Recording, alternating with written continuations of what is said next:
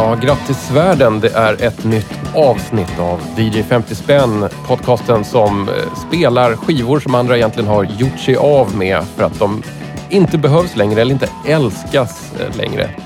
Jag som säger det här heter Tommy Jönsson och som ni vet vid det här laget så är jag alldeles för intresserad av obsoleta skivor. Sånt som verkligen inte är fräscht längre.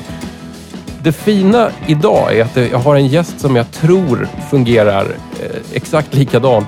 Kalle Lind, välkommen! Stort tack för detta. Musik är ju bara ett av mina intressen och kanske inte ens det största utan jag är intresserad av all stofilkultur.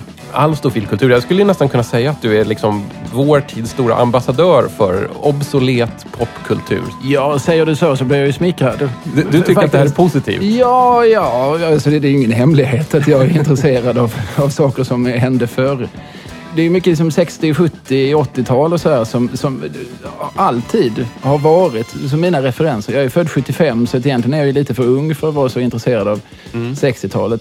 Freud hade ju sagt att det här har någonting med att lära känna mina föräldrar att göra. Men, men, men men hur är din relation med föräldrarna då? Ja, den är väl ganska god. Nu vet jag ju allt om den tid de växte upp i. Så nu känner jag att vi, nu är vi på samma nivå. Liksom. Men det har ju varit en lång resa dit. Jag har ju ägnat 40 år åt att gräva i i skivbackar ja. och, och, i bokhyllor framför allt. Jag fyller i konturerna på dig lite grann här. Kolumnist, någon slags humorist också. Mm -hmm. Radioankare i P4 söderut i landet har jag förstått. Ja, just det. Jag är faktiskt morgonpratare i P4 Malmöhus. jag är, jag är liksom Skånes Anders Timell. Fast inom public service. Då. Men framförallt så är du också snedtänkare i podden som heter Snedtänkt. Som har den perfekta taglinen egentligen. Podden som pratar om det som inte andra pratar om. Podden som pratar om sånt som andra poddar inte pratar om. Ungefär så brukar jag väl säga. Det är ju ett av mina forum för att gräva just i, i stofil kultur. Alltså att göra 50 minuters prat om B. Wahlströms ungdoms och flickböcker eller om mm. Eh, ja, vad fan vi nu har pratat om. Superhjältar har vi pratat om någon gång. Det kanske andra också pratar om. Men vi har pratat om gamla Albert Engström skämtteckningar. Vi har pratat om mycket 70-tals dansband och sånt där. Mm. De två vanligaste namnen som dyker upp är Per Gahrton och Jan Guillou. Så kanske man får en bild av vad det är vi försöker teckna ja. i det här programmet. Och det är ju väldigt mycket att försöka liksom göra någon sorts exposé över svensk offentlighet från andra världskrigets slut till nu. Jag är ju helt med, med dig på att den tidsperioden vinyleran kan vi faktiskt kalla den också. Det är liksom världshistoriens mest intressanta period. Inte ens folkvandringstiden kan liksom konkurrera med liksom allt konstigt som Nej, folkvandringstiden hände. finns ju så lite nedtecknat från. Det, nej, det fina med 60-70-talet är att det finns så mycket artefakter kvarlämnade mm. och som, där man många gånger också kan söka sig och få historien ur mm. hästens mun. Mm. Eller de som var med finns ju kvar. Mm. Det är många som frågar så här, men varför bryr du dig om detta? Och jag tänker, alla de som frågar Dick Harrison, varför är du så intresserad av 1200-talet? Precis innan jag tryckte på röda rec-knappen här så uh, sa du, jag är inte så intresserad av kvalitet. Nej, jag är helt ointresserad av kvalitet. Varför det? Det här får du förklara. Nej, men alltså, om man håller på så här mycket och gräver i gammal kultur och hit och dit. Alltså, intressant. All, all kultur är intressant och har därför ett, ett egenvärde. Alltså jag lyssnar inte på musik för att jag tycker den är bra. Mm. Alltså, utan jag sätter på en skiva, en, en låt för, bara för att förstå. Jaha, så här lät det här bandet 1972. Undrar varför de gjorde det. Och så drar jag väl lite slutsatser utifrån det. Nej, jag, jag har liksom inget, inget grepp om vad som är bra och dåligt. Men det är det här som, som jag mest sysslar med. Liksom att läsa någon gammal gubbes memoarer. Det gör ju inte jag för att jag tror att de är så jävla välskrivna utan för att jag tror att någonstans här så döljer sig en anekdot som, som jag kan förstora upp och exploatera i något sammanhang. Nu styr vi tillbaka där. Du har köpt här fem LP-skivor. Ja. Eh, begagnade ser jag att de är. Jag hoppas att de inte kostade mer än 50 spänn. Eh, så här, det var tio skivor för 100. Jaså? Då måste ju fem skivor kosta 50. var, var köpte du de här? Emmaus på Kirseberg i Malmö. Ska vi eh, gå loss på din eh, lilla bunt här? Yes. Vad sägs om att börja med kategorin som jag kallar för chansningen?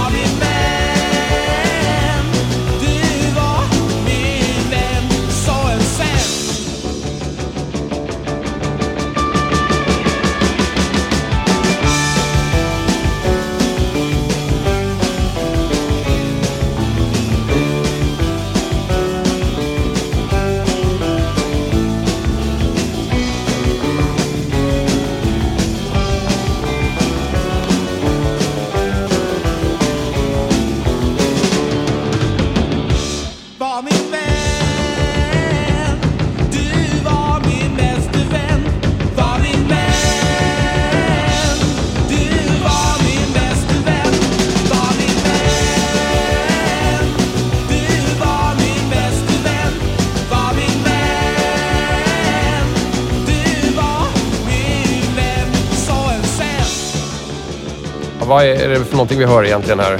Ja, Jan Andersson Pop, eller Ja-pop som jag lärde mig att de hette en gång.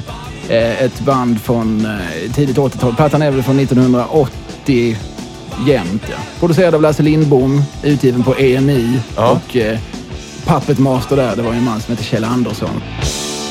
Som upptäckte både Lundell och Gyllene Tider. Just det, ja. Och man kan väl säga att det här är, ligger precis i skärningspunkten mellan den unge Lundell och den unge Gessle på något sätt. Den här låten hette eh, Du var min bäste vän. Ja, jag vet inte om det är en medveten Filimonato and the Dang-referens. Det kan det ju nästan vara. Du är min ende vän, jag tänker på dig varje dag. är ju en hit som alla bör kolla upp. Men vad tyckte du om den här eh, dängan, får man väl ändå lov att säga? Jag har ju ganska hög fördragsamhet med den här sortens musik. Jag lyssnar ganska mycket på reeperband. Och det är ju Danne Sundqvist som tillsammans med Olle Ljungström var eh, frontfigur i reeperband som spelar bas och är liksom inblandad i soundet. Men nej, det var rätt, det var rätt tradigt. Det är lite mesigt, alltså det är lite tunt på något sätt. Jag kan gilla när det är så här lite, eh, vad ska man säga, Duracell kanins energisk liksom pop. Någon slags svensk powerpop. Det är inte riktigt... Man förstår ju att de kanske har lyssnat och kanske till och med lirat i punkband. Men det får de inte ta med sig in i EMI-studion rakt av. Ja, Man förstår lite grann vad de vill, tänker jag.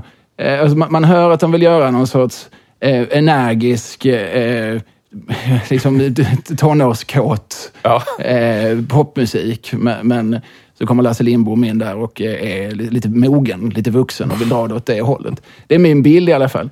Ja. Ja-pop är ju jättespännande. För Janne Andersson, som då alltså var jaet i ja-pop, han var ju eh, lillebror till en, en profilerad socialdemokratisk politiker, Mona Sahlin. Det var som fan alltså. Vilken connection.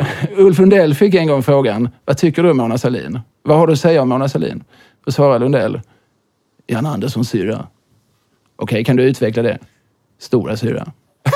Det är roligt. Så småningom så utökades det här bandet, dels med en snubbe som heter Tony Manieri, som eh, tecknade, när jag var ung, och jag är ju Skånebaserad, då fanns det, hette ju den stora kvällstidningen Kvällsposten. Han tecknade en serie där som heter Stockholms Ringo, som handlar om en stockholmare i exil i Malmö. Det här låter som en föregångare till filmaren eh, Henrik Möllers filmer som ofta har scenariot att det kommer en dokumentärfilmare från Stockholm ner till Malmö och ska skildra Nobelvägen och sen fastnar i, eh, vid en Jackie Vegas-maskin någonstans. Det var 19 år sedan då var jag också här och filmade. Då gick jag på sån där filmskola och så gjorde en film om Nobelvägen. Det hände inte så mycket sen efter filmen blev skit. Men sen så blev det liksom att Malmö, den stan tog hand om en liksom på något sätt. Liksom. Jag här. Ja, ungefär så var det. det skildrar liksom, den här serien skildrar liksom 80-talets gamla väster i Malmö som då för tiden var... Nu är det ju väldigt gentrifierat och mycket arkitekter och så, men då på 80-talet så var det ju, bodde det ju mycket... Det var en stor blandning av liksom porrbutiker, narkomaner och eh, eh unga människor som ville syssla med kultur.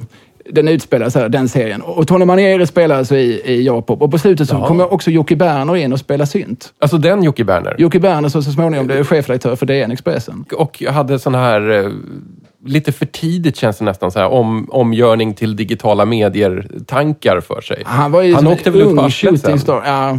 Han, han var verkligen en sån liksom dubbad till liksom framtiden. Så här har vi... Det, det, det här är mannen som ska förändra de svenska medierna. Han var exceptionellt ung ju för att, för att vara chefredaktör, så han var nog inte ens fyllda 40. Nej.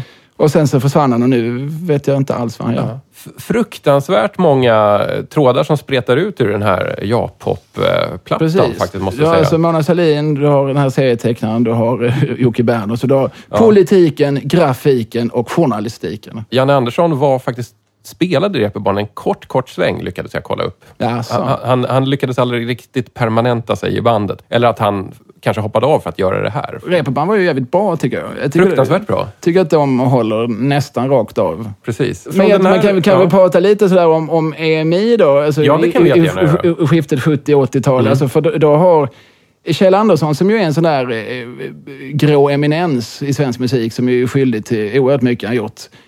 Han, han var ju liksom Lundells eh, högra hand under, Mm. alltså från Vargmåne eller från vad heter den som kommer efter det, Törst, där någonstans och så fram till liksom att Lundell går in i väggen och, och får lägga in sig då i slutet av 80-talet. Men då, är de ju, då går de ju bredvid varandra. Så att han är ju liksom öppna, alltså Kär och galen-plattan, den vassa äggen-plattan, är ju Kjell Andersson liksom väldigt aktivt delaktig i. Det finns ju mycket så här brev som Lundell har skrivit till Kjell Andersson på 10-12 maskinskrivna sidor med det här ska låta som, som Beckett gjorde pjäser eller alltså, otroligt mycket litterära referenser. Man förstår att det var liksom, de hade ju den bilden av sig själva som som, som musikmakare. Han var nog inte så, så, så hands-on vad gäller musik. Det var ju Lasse Lindbom då som, som, Ja. som räknade takter och sånt. Kjell Andersson var mer inne liksom på... Han gjorde alla skivomslag. Lite mer av konceptkillen kanske. Exakt ma- marknadsföring och sånt. Och han hittar ju också Gyllene Tider.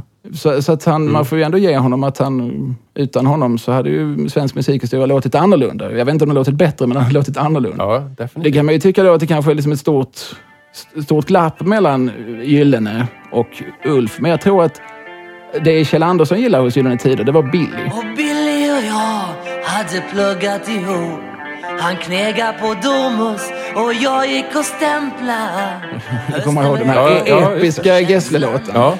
Där, där liksom blir en annan sorts Gessle, en, en, en powerpop. eh, Ja.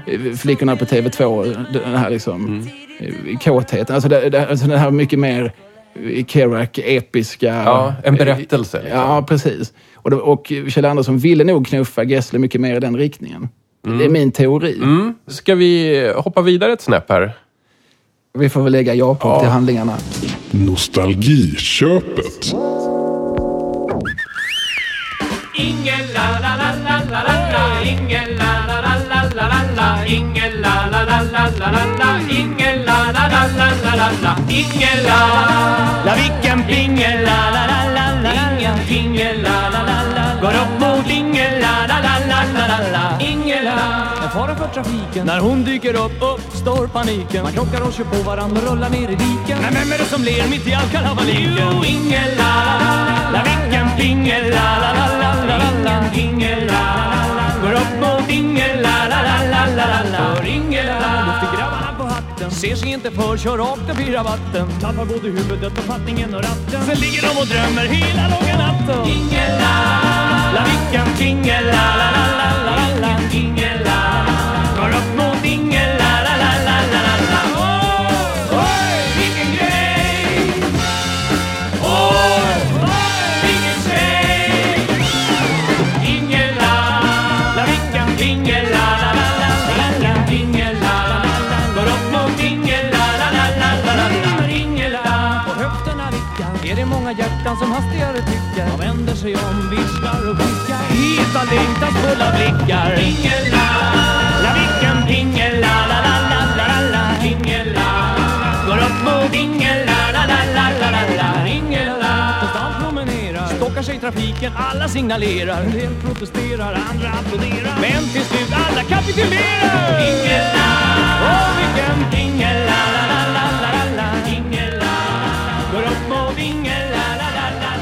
Låtarna var ju inte jättelånga 1969 kan man ju konstatera. Nej, det var väl bra. Det är kort, kärnfull, koncentrerad. Det här var ditt nostalgiköp.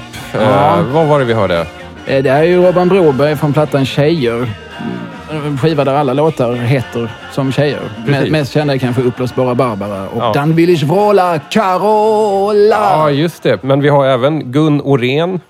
Ja, den minns Aurora Rosenqvist, den hör man inte jättemycket om. Ulla Trapid. Ja, den, hon är så långsam. Ulla rullar fram i Ulla Trapid. Flera Laila. Ja, just det. Den, Laila, Laila, Laila, Laila.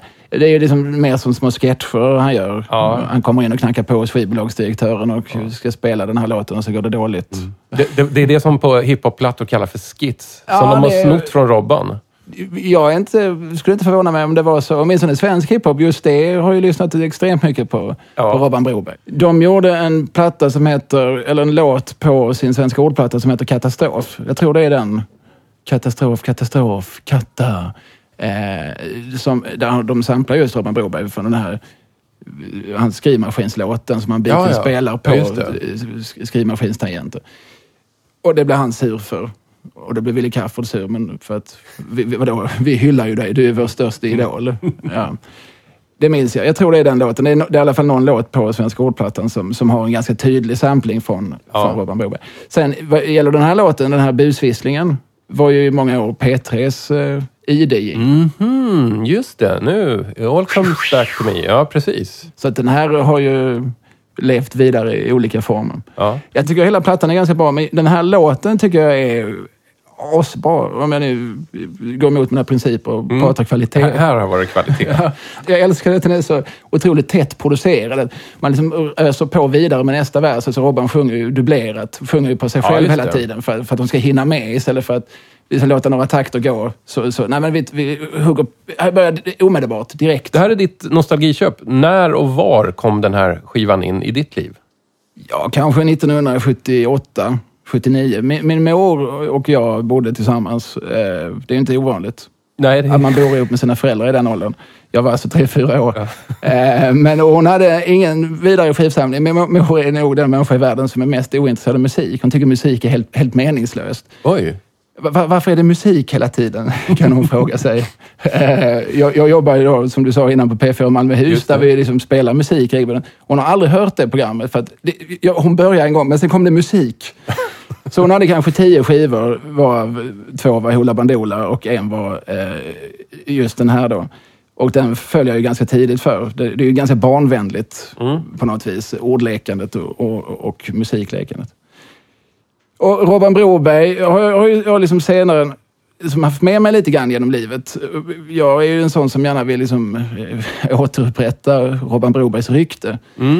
Folk förknippar honom ju enbart med det här maniska ordvitsandet. Det är det som sätter sig i huvudet. Alltså, det är det man kommer ihåg. Och då tycker jag det finns, dels så kan man liksom komplicera det ordvitsandet. För att, för att det, det är ju... Alltså Robban var ju en man med ett mm, mörkt hål inom sig. Och även det där ordvitsandet, alltså vad som är uppenbart när man tittar på hans plattor, eller hans shower som han gjorde, det är ju att eh, Robban Brobergs liv såg ut så här att, att han gick in i någon, någon form av livskris, hamnar på botten. Och hur tar jag mig ur? Hur tar jag mig upp härifrån? Jo, jag vitsar mig därifrån. Och det är väldigt tydligt att det är så. Han börjar liksom någonstans, när, när han ligger där nere och undrar vad allting ska vara bra för, så, så, så börjar han liksom leka med ett ord. Och, så, och så klättrar han någonstans upp därifrån. Han kommer på så, morot. Ja, men där finns ju mor och oro och rot, men också ro. Och om jag vänder på det så blir det ju alla vägar bär to Rom. Och, och flyttar bokstäverna så blir det ju en motor. Och det är precis det jag behöver. Och så på något vis, och så man kan nästan se den här processen. Hur liksom ett ord, han får, liksom det är det halmstrå han har. Där, där, där, fanns, där fanns ett ord. Ja. Och så med, med dess hjälp så tar han sig någonstans upp. Och, och hans shower var ju väldigt liksom självterapeutiska och sådär. Eh, han, och, och så ser det ut liksom på 80-90-talet. Det är ju framförallt då han håller på med, med morot och raket och målarrock och sånt. Hans 70-tal är ju ännu intressantare, för då använder han ju musik ännu mer experimentellt och terapeutiskt och så. Alltså plattor som eh, eh, Jag letar efter mig själv, som handlar om att han verkligen Ja, fysiskt letar efter sig själv. Jag han satte väl- sig på en Vespa och körde till Paris för att hitta sig. Han, alltså, rent konkret gjorde han det. Ja, det var ju en man med, som sagt, med ett komplicerat psyke. Ja. Sen kom han hem och skrev att ha det taskigt med sig själv i Paris är detsamma som att ha det taskigt med sig själv i Stockholm. Det var insikten han fick där. Ja. Jag är ju svag lite för de, vad ska vi säga, lite sökarplattorna. Jag, det- var nog kanske bara ett eller två år sedan som jag fick upp ögonen för en skiva som heter 12 sånger på amerikanska. Mm. Som är, alltså, det är inte så mycket tjo och på den. den. Den har ju liksom kluriga texter på Men engelska. de är, de är kluriga, alltså på en schizofrens vis. ja, kluriga. lite sådär. Alltså, Han sjunger att han vill vara en maskin igen då. I wanna be a machine, strong and clean, with no human feelings. De är fina. Jag gillar när han liksom drar ner intensiteten på något sätt. Jag började förstå lite mer om honom av att lyssna på den. Har du hört en låt som heter, jag tror den heter Snabbköpsbutiken. Kanske. Varför flög jag inte på det där i snabbköpsbutiken och tog det på fittan som jag hade en sån väldig lust till? Sjunger Robban Broberg. Det är en låt där han liksom resonerar om varför beter vi oss så här, vi kulturella människor? Jag såg ju dig där när du stod och köpte gurka. Jag, jag såg ju det där. Varför gick jag inte fram och tog dig på könet? Jo, det gjorde jag inte för att då hade du ropat på polisen. Men, men varför gör vi så? så så det, det är väldigt mycket frågeställningar, väldigt mycket det, som resonemang kring liksom hur den kultiverade sociala människan fungerar och varför han, inte, liksom, varför han känner sig fångad i kulturen. Var han det då? Ja, men han har en låt som heter Du har Pinochet i garderoben, där han sjunger om alla människor som finns inne i hans huvud. Han har en låt som heter Dr Jekyll och Mr Hyde, som, som ju också handlar om du är intellektuell på torsdag och eh, en stor charmör på morsdag. Ordlekandet finns med hela tiden, men det är alldeles uppenbart att han vill berätta någonting om det som rör sig Ja. Mm. innanför, innanför pannbenet.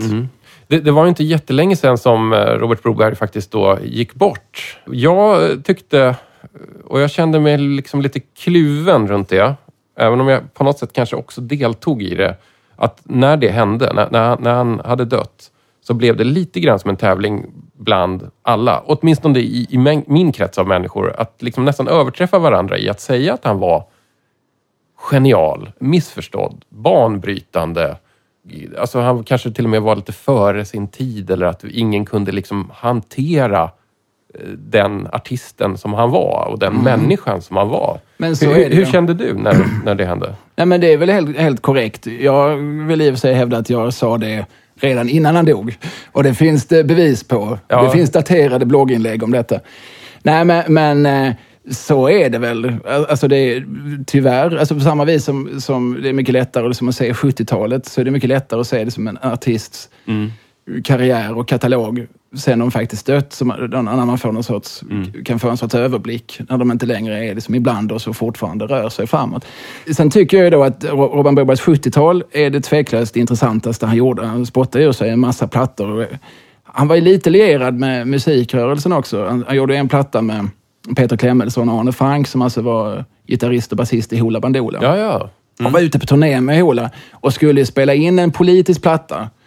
Men det kunde han ju inte riktigt göra heller, så hans politiska platta heter Vem är det som bromsar och vem är det som skjuter på? Och det är bara en massa frågor hela tiden. Det finns, alltså, annars är ju Poggen känd för att man vill liksom leverera svar. Ja. Folket ska segra, de kan inte besegras. Tvärsäkra svar. Då kommer Ja. någon och liksom lite flummigt... eh, ja, ja jag, för, jag förstår att det kan finnas problem där, men var han accepterad i musikrörelsen? För att, för att eh, eh, Robert Brobergs grej gavs ju ändå ut på stora bolag.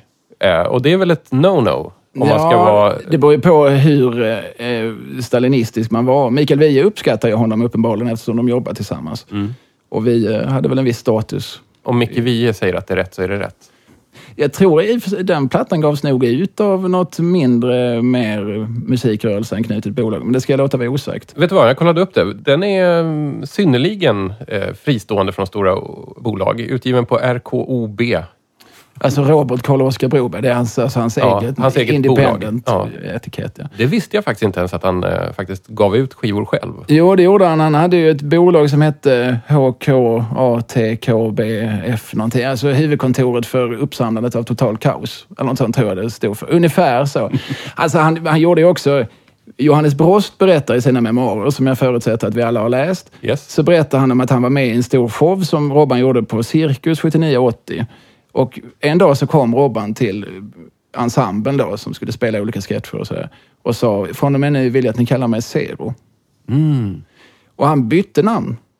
Från Robert Karl-Oskar Broberg till Robert Karl-Oskar Zero Broberg. Och hans artistnamn på plattan Motsättningar, som är från då någon gång 79, det är ju Circle U E Zero N. Nej, jag kommer inte ihåg. Det står det. Det är liksom eh, a huma, alltså a human circle. Det är ju samma som, som nollan, någonting som är Just det. runt. Han heter NE, nobody, everybody. Alltså, återigen, det här var en sökande människa. När, när det blev Zero av Robban så tycker jag faktiskt att då, då var det väldigt fina omslag. Det var någon sån här konstig glad 80-tals eh, grafisk design på det som jag inte sett någonting riktigt liknande sedan dess.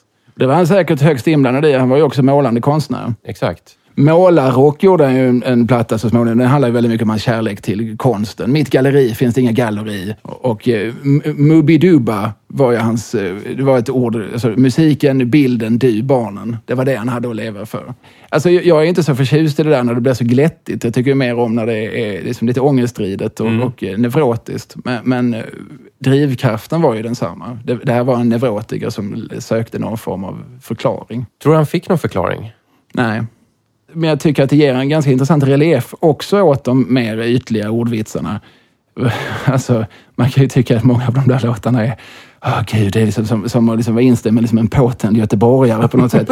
Alltså, det, det är ju, jag vill ha dem i ett harem, mina kvinnor, mina väninnor, mina vänunnor, som kloster på såren i mun mot munk-metoden. Det betyder ju ingenting, det är bara liksom en svada av associationer på något vis. Men om man betänker då att det här är en man som som, som är på botten och som använder detta för att klättra ur den situationen, så tycker jag att det blir en ganska intressant spänning.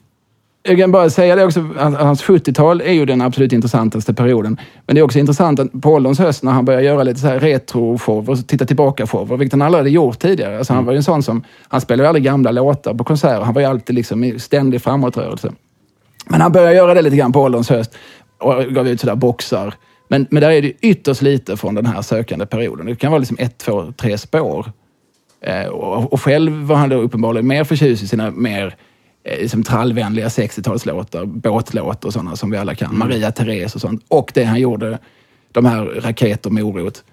Sitt eget 70-tal ville han nog inte riktigt kännas vid, ja. för, för att det var nog kanske för, för svårt för honom att peta i det. Det här är vad jag misstänker. Att när han hörde de låtarna så kom också känslorna tillbaka.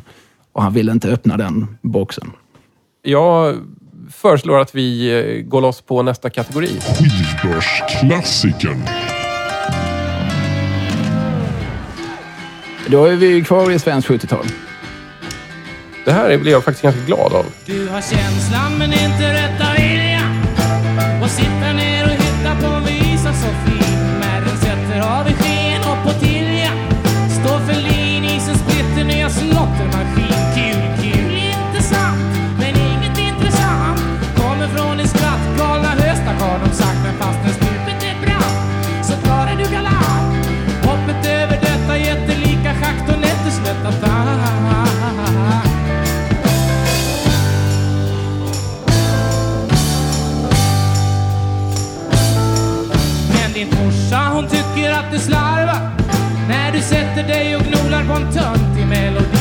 och far han går på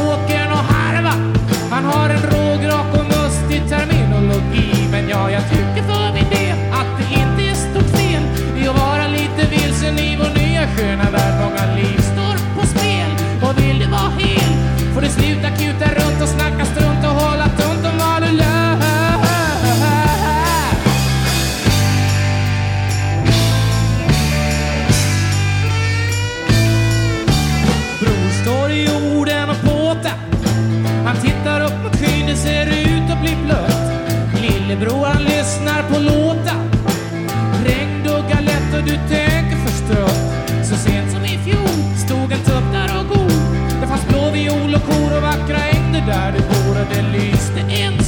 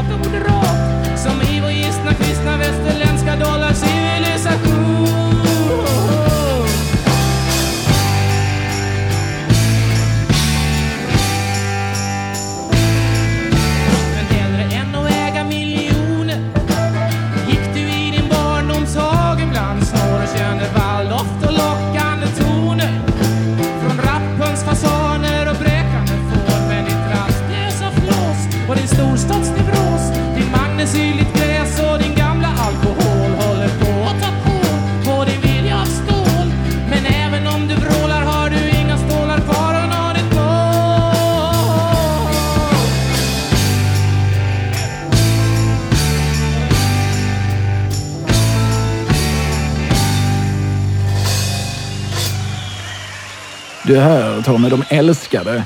Det här var ju alltså Påtalåten med Ola Magnell. Och eh, plattan är ju inspelad från en, en turnékonsert som eh, Ola Magnell gjorde. Där huvudnamnet var ju alltså Pugg, Pugg Rugefeldt. Vi snackar alltså om skivan Pugg och Rainrock, ett steg till. Och det är inte bara Pugh och Ola Magnell utan även Lukas Persson, eller Janne Lukas. Han som gav oss växeln Hallå Hallå och även signaturmelodin till Vi är femman under 80-talet. I min värld är han ju så här, du vänder på LP-omslaget, kollar vilka som spelar, så är han ofta med där. Och jag gissar att det ofta är då eh, metronomplattor. Det kan nog stämma. Alltså Metronom var ju ett skivbolag som, som var oerhört betydelsefullt på 60, 70, till och med 50-talet redan startade de. Där eh, liksom primus motor hette Anders Burman. Han är ju en av de viktigaste personerna i svensk populärmusik. Alla kategorier. Han har ju haft ett öra för att plocka upp då till exempel Pugg, Rogefeldt. Innan han, innan han hittade Pugg och innan han Ja, hittade Ola. Magnell. Precis. För, först Fred och sen Cornelis. Ah. Och innan dess gjorde han då såna här plattor med Siw Malmkvist och Per Myrberg och Svante Thuresson. Såna här liksom väldigt välproducerade jazzschlager. Och sen hade han då en kompanjon som hette Börje Ekberg som tog hand om pengarna och det, Ja. det, det kamerala. Vilket är en väldigt lyckosam kombination. Så att Metrodom var ju både kommersiellt och musikaliskt eh, väldigt framgångsrika och respekterade. Jag nämnde liksom Kjell Andersson på EMI tidigare. Anders Burman är ju samma sorts gestalt. Alltså en man som hela tiden liksom fanns med och drog i trådar och hjälpte till att välja låtordning. Och, Nu undrar jag lite, när vi har den här stora konsertplattan, ett dubbelalbum eh, med Pugg och Rainrock, Ola Magnell, Lukas Persson. Hur kommer det sig att vi spelar just den här Ola Magnell-låten istället för någonting annat från den? Nej, jag är väldigt svag för Ola Magnell och jag tycker att Ola Magnell är lite sorgligt bortglömd sådär. Han, han var ju stor, alltså hans första plattor då, där den här låg och eh, eh, Cliff, Aum, Aum, Aum, Aum, eh, Rulltrappan, otrolig sång. Eh, han var ju ganska mycket en Robban Broberg-typ faktiskt. Alltså eh, en stor neurotiker. Jag har faktiskt ganska dålig koll på Ola Magnell. Jag köper ofta hans eh, 70-talsplattor på loppisar, men vet inte jättemycket om honom.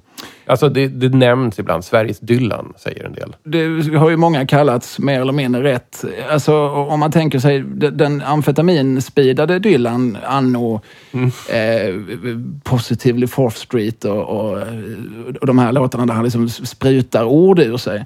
Där, där har du ganska mycket den unge Magnell. Det är väldigt associationsrikt.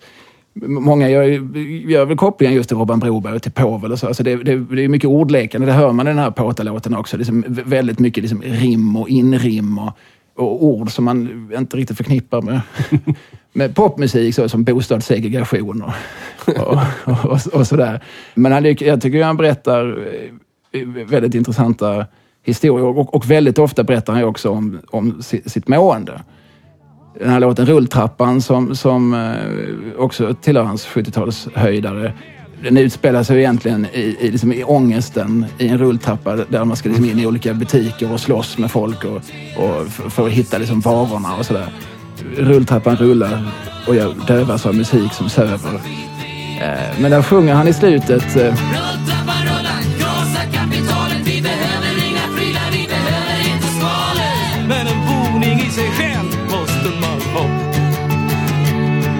Ja, en boning i sig själv måste man ha. Och en boning i mig själv är allt jag vill ha. Jag läste en så himla, himla fin skildring från, för att Ola Magnell uppträder regelbundet på någon Stockholmskrog på Kungsholmen eller sådär. Det var Håkan Lager, den gamla rockjournalisten, som det. skrev detta. Då består hans publik väldigt mycket av, av bedagade män. Där man kan se på deras ansikten att de har levt. Och när han sjunger den här frasen, men en boning i sig själv, det måste man ha. Då sitter alla de här slitna, rödögda eh, männen i skinnväst med tårarna rinnande för kinderna och slår sig på bröstet. En boning i sig själv, det måste man ha. Jag träffar ibland på Jakob Hellman på Malmös gator. Då brukar Ja. vi alltid prata om rulltrappan. Han har också en relation, tror jag, både till Ola Magnell och till neuroser. Det börjar komma en liten röd tråd här nästan i ditt skivval, märker jag. neuroser? Ja. Hur har du det själv med neuroserna? ja, de är nu för tiden under kontroll. Men jag har, jag, Vad har du för metod? På samma vis som Robban Broberg vitsar sig ur det och Ola Magnell ordleker sig ur det så lyssnar jag ju då på Ola Magnell och Robban Broberg. Så tar jag mig ur det. Nej, jag gör ju samma sak också. Man arbetar. Man arbetar sig ur sina kriser. Det är också så här, jag är gift med en psykolog så att jag har liksom en privatterapeut. Det måste ju vara praktiskt. Det rekommenderas. DJ. 50 Nu, jag känner i luften här att det är läge för Random Access Vinyl. kategorin där du verkligen inte har valt. Utan Gud har på något sätt planterat någonting som du fiskar upp. Ja, just det.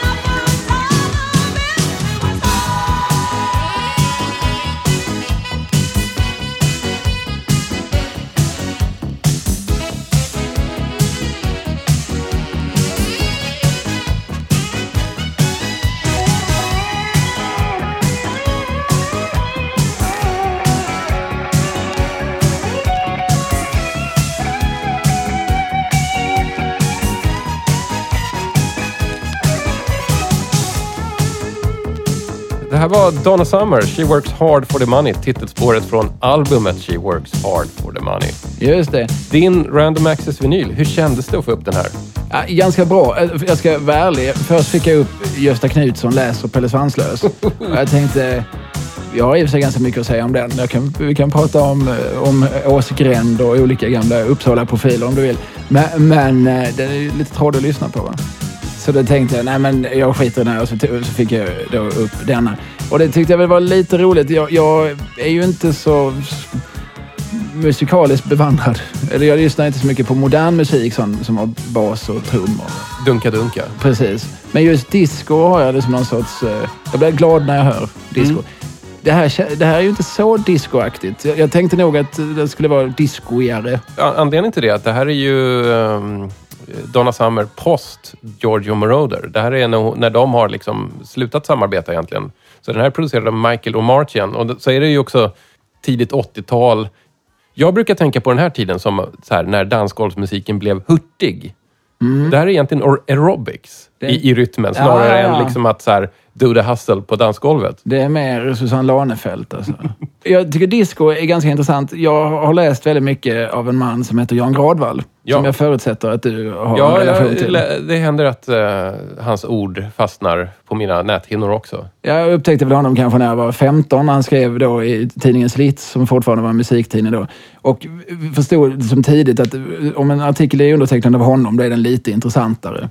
Eh, och Gradvall har ju liksom genom åren drivit liksom miljontals olika teser. Jag läste ju pop på, på 90-talet och älskar pop. Jag var inte särskilt intresserad av musik, varken då eller nu. Men jag var väldigt intresserad av popjournalistik. Jag var väldigt intresserad av teoribyggena och, och deras de hade ju som, som tagline mer eller mindre, pophistorien måste ständigt skrivas om. Jag tyckte de hade intressanta perspektiv.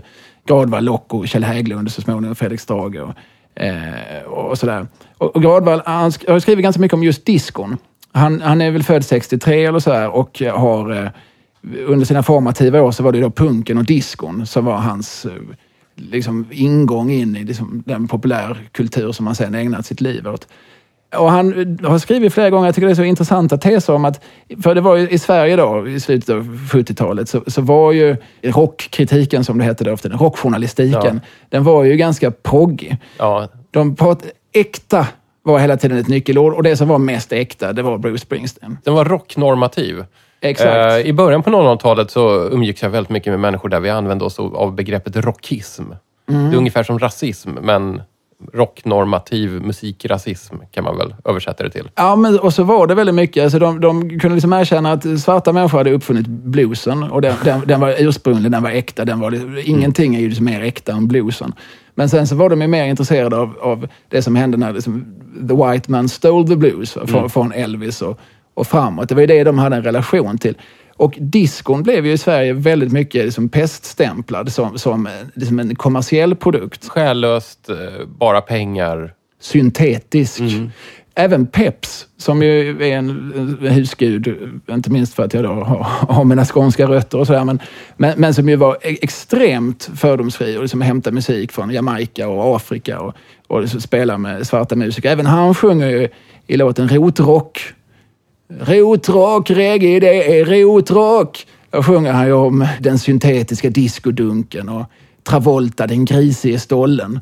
Och, och sådär. Så det är väldigt föraktfullt, Ja. hela hållningen mot, mot disco. Och det har liksom Gradvall skrivit, han gjorde mig verkligen uppmärksam. För mig var det en ögonöppnare när jag förstod det här. Liksom att, att, att det är liksom ett helt, inte bara enögt, utan ett blint sätt Mm. att se på en musikstil som, som i så oerhört hög grad var soundtracket för både bögarnas och de svartas frigörelsekamp på 70-talet. Absolut. Och som gavs ut på små indie-etiketter och som inte alls hade sitt ursprung i den där elaka kapitalistiska musikindustrin. Alltså den sidan fanns ju också. Att, att man kunde ju be- bedriva rovdriftsproduktion av disco. När, ja, när det hade det som hände med all musik. grej. Men, det som ju också hände med punken. men- Exakt. Men, men som, Ja. som man aldrig problematiserar på samma sätt från Håkan Lager och tidningen Schlagerhåll. Ja, exakt. som då var de tongivande rockideologerna på 80-talet. Har du någon relation liksom till själva Donna Summer? Nej, det är ju ett namn som... Alltså hon är väl ett av de stora... Eh, alltså, Love to love you baby var väl hon? Ja, det var hon. Precis. Det, det var väl lite grann av, av eh, genombrottet och där är vi ju liksom i, i något slags ändå fortfarande disco-disco. Sen var hon ju popstjärna en bra bit in på 80-talet men liksom så sakta dalande och hon gjorde något försök i slutet på 80-talet att komma tillbaks till det här nya hippa och teamade då upp med Stock Aitken Waterman. Det resulterade i ett album som kanske inte är bra men rätt intressant att lyssna på för att det är liksom en discodivan som har hamnat lite vid sidan om som försöker hitta en ny grej. Stock Aitken och Waterman, ja, det var de som hade liksom Rick Astley och Kylie Minogue och så. Alltså, det var ju sån musik som fanns när jag var ung. Alltså när jag var tweenie. Jag, jag hade ingen relation till den då. Jag har det knappt nu. Vad lyssnade du på för musik när du var tweenie? Povel Ramel. Du hade redan hittat det spåret då? Jag var, betydligt, jag var ännu stofilare i min smak då än vad jag är nu. Nu, nu erkänner jag modern musiks existens. Vad för modern musik lyssnar du på nu? Eh, Stefan Sundström. jag vet inte hur modernt det är, men han gör ju plattor nu. Liksom. Ja, ja. att, eh, ja en, en fortfarande aktiv artist. Ja, just det. En levande artist. Det är, Har, det, har spelat in på 00-talet. alltså jag är så teoretisk i, i, i mitt förhållningssätt till, till så mycket kultur. Att, eh, jag, jag lyssnar inte på det här för att jag vill dansa eller för att jag vill få en musikalisk upplevelse. Utan det här, det här verkar intressant. Och sen är jag ju väldigt mycket en textmänniska. Jag kan relatera väldigt mycket till... Alltså Sundström har ju samma arv som jag. Han kan ju sin Cornelis, han kan sin Taube. Han kan sin Ola Magnell, inte minst. Ja, just det. Och så. Nu, nu lät det ju som att jag asgarvade åt Stefan Sundström. Eh, det gör jag inte. Jag gillar Stefan Sundström. Och dessutom så sitter vi och spelar in det här i Farsta som är då Stefan Sundströms eh, ursprungliga hem i världen. Så att, eh, om någon uppfattade det här att jag var hånfull mot Stefan Sundström så vill jag poängtera att det är inte så. Jag vill inte liksom bli nitad när jag går ut på gatan här nästa gång. Nej, alltså för mig, jag första gången jag är i Farsta. Alltså för mig, det, det lite, jag ser det lite grann som en pilgrimsfärd. Ja, Jag har Jag- jag en gång i tiden rest till Eymöiden i eh, Holland. Varför det? För att där bodde Cornelis Ja. till, till, till dess att han var 12. Ja, ja. Jag har stått fotograferat mig och mina barn framför Cornelis barndomshem. Mm. Det var, det, var, det var Min väldigt... fru förstod, må- måste vi ta den avstickaren? För det var ändå tio mil på vägen till Amsterdam. Ja, det måste vi. du måste. Det, detta måste du ge mig. Min äldste son heter ju då Cornelis i andra så att Hon tyckte redan att hon hade gett mig lite. Men ja, ja vi, det finns mer att ge mig, tyckte jag. And now, a word from our sponsor. DJ 50 spänn görs i samarbete med Akademikernas a-kassa. Det är jag väldigt glad för, för det gör att det blir lite lättare för mig att producera fler program så att ni kan lyssna oftare. Men jag vill också att du som lyssnar tar ungefär en sekund nu och funderar på hur din a-kassasituation ser ut. A-kassa är en bra grej att ha. Man kan bli av med jobbet och då behöver man en tillfällig inkomst medan man till exempel letar efter ett nytt jobb. Det är bra för dig, det är bra för hela arbetsmarknaden. Och om du är akademiker så är Akademikernas a-kassa ett bra val för dig. Om du har pluggat ihop 180 högskolepoäng eller om du pluggade ihop över 120 högskolepoäng i studier som avslutades innan 2007 eller om du är student nu, då kan du gå med i Akademikernas a-kassa. Och det kostar bara 100 kronor i månaden. På Akademikernas a-kassas sajt så kan du läsa lite mer om hur enkelt du blir medlem. aea.se, det är webbadressen. Alltså aea.se, busenkelt. Där kan du också läsa om inkomstförsäkring och det är en väldigt bra grej att ha om man råkar tjäna mer än 25 000 i månaden. För a-kassan, den vanliga a-kassan i Sverige har liksom ett maxtak som det är ganska lätt att slå huvudet i. Du kan också läsa om hur otroligt enkelt det är att byta a-kassa. För man kan ju byta a-kassa. Om det är så att du inspirerades till att gå med i Akademikernas a-kassa när du lyssnade på DJ 50 spänn, skriv jättegärna en rad om det på Twitter och hashtagga med hashtag DJ 50 spänn. Sådär ja, nu kör vi lite mer billig och begagnad musik. Kalle, nu är det så här. En skiva kvar i din hög här. Fyndet. Outside the barracks, by the colonel, I'll always stand and wait for you at night. We will create a world for two. I'll wait for you the whole night through. For you, Lily Marley. For you, Lily Marley. Bugler tonight, don't play the call to us. I want another evening with a chance. Then we will say goodbye and part. I'll always keep you in my heart with me, Lily Marley. With me, Lily Marley. Give me a rose to show how much you care. Tied to the stem a lock of golden hair. Surely tomorrow you'll feel blue, but then will come a love that's new. For you, Lily Marley. For you, Lily Marley. When we are marching in the mud and cold, and when my pack seems more than I can hold, my love for you renews my might. I'm warm again, my back is light. It's you, Lily. It's you, Lily Marley. My love for you, when you use my mind, I'm warm My path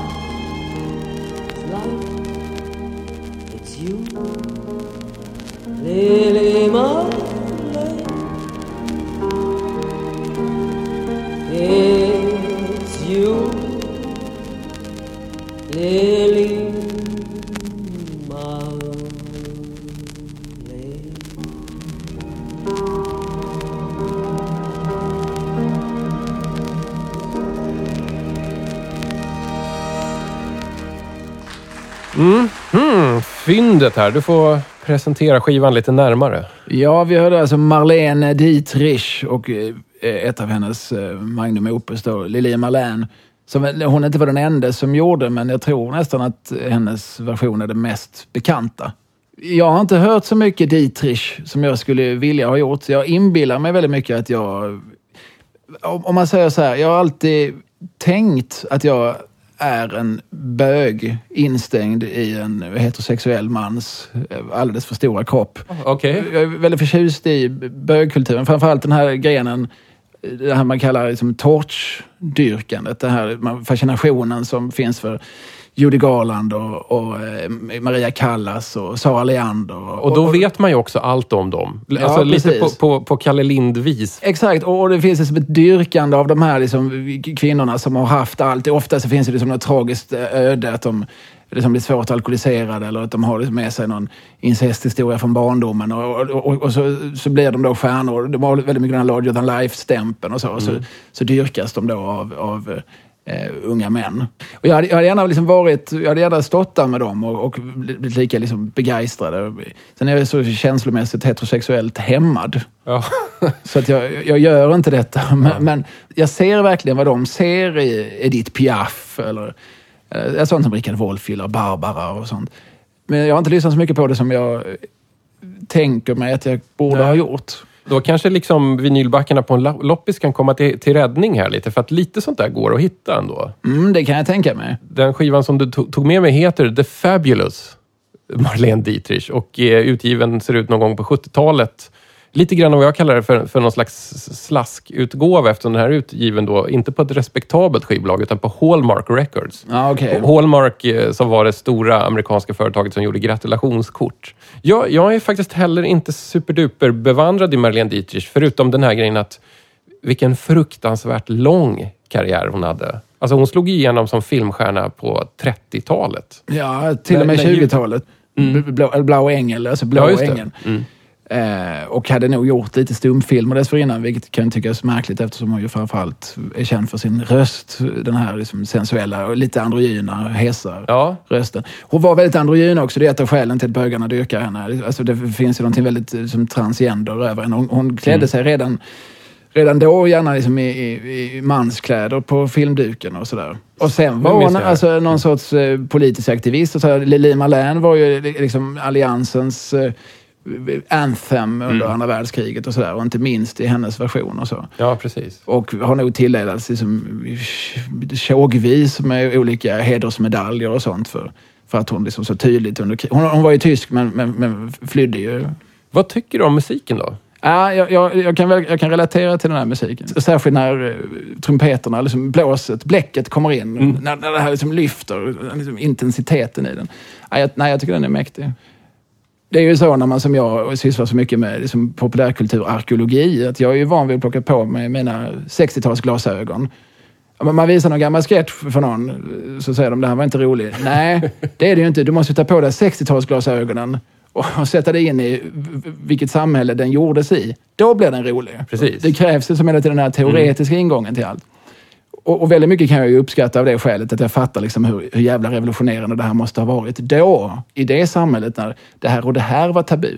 Men det här skulle jag nog säga att det här kan jag liksom köpa rakt av även nu. Jag tycker musik åldras inte lika...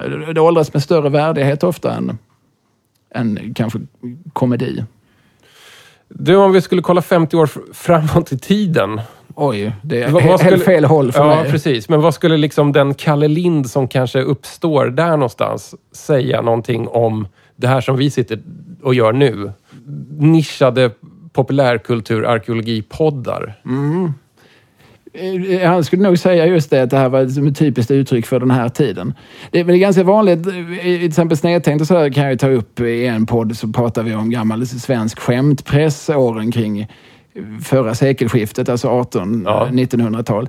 Det kan man verkligen säga att skämtpressen då, det var den tidens poddar.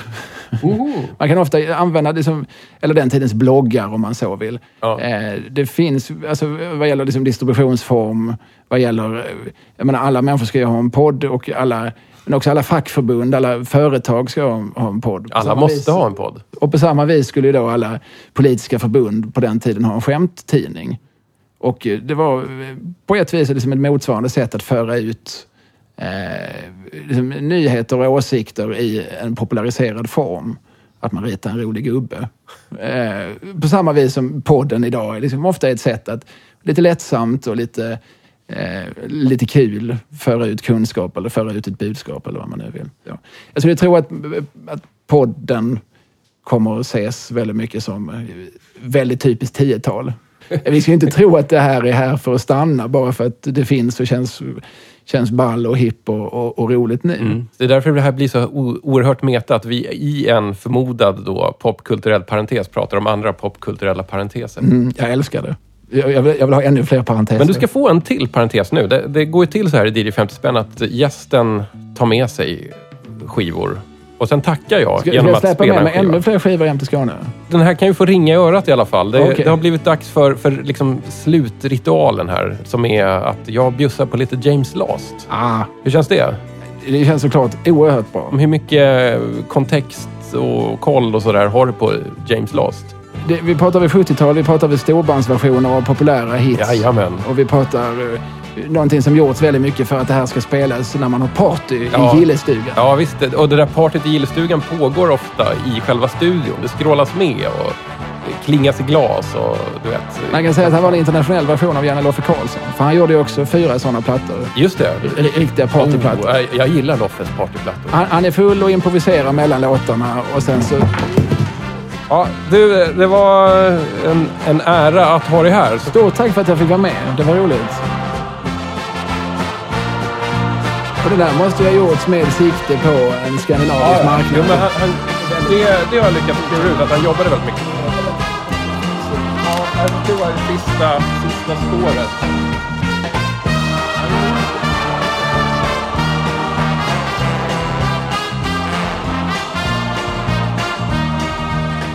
Du har lyssnat på DJ 50 spänn. Jag som är programledare och skapare av den här showen heter Tommy Jönsson och det här är en produkt från Rundfunk Media. Podcasten presenteras i samarbete med Akademikernas A-kassa. Hör gärna av dig till mig med ris och ros och synpunkter och glada utrop och what have you. Mailadressen är hej dj50spann.se. Jag finns såklart på Facebook också. Sök upp DJ50 spänn och likea. På Twitter och på Instagram heter jag DJ50 spann. Vi hörs snart igen och tack för att ni lyssnar.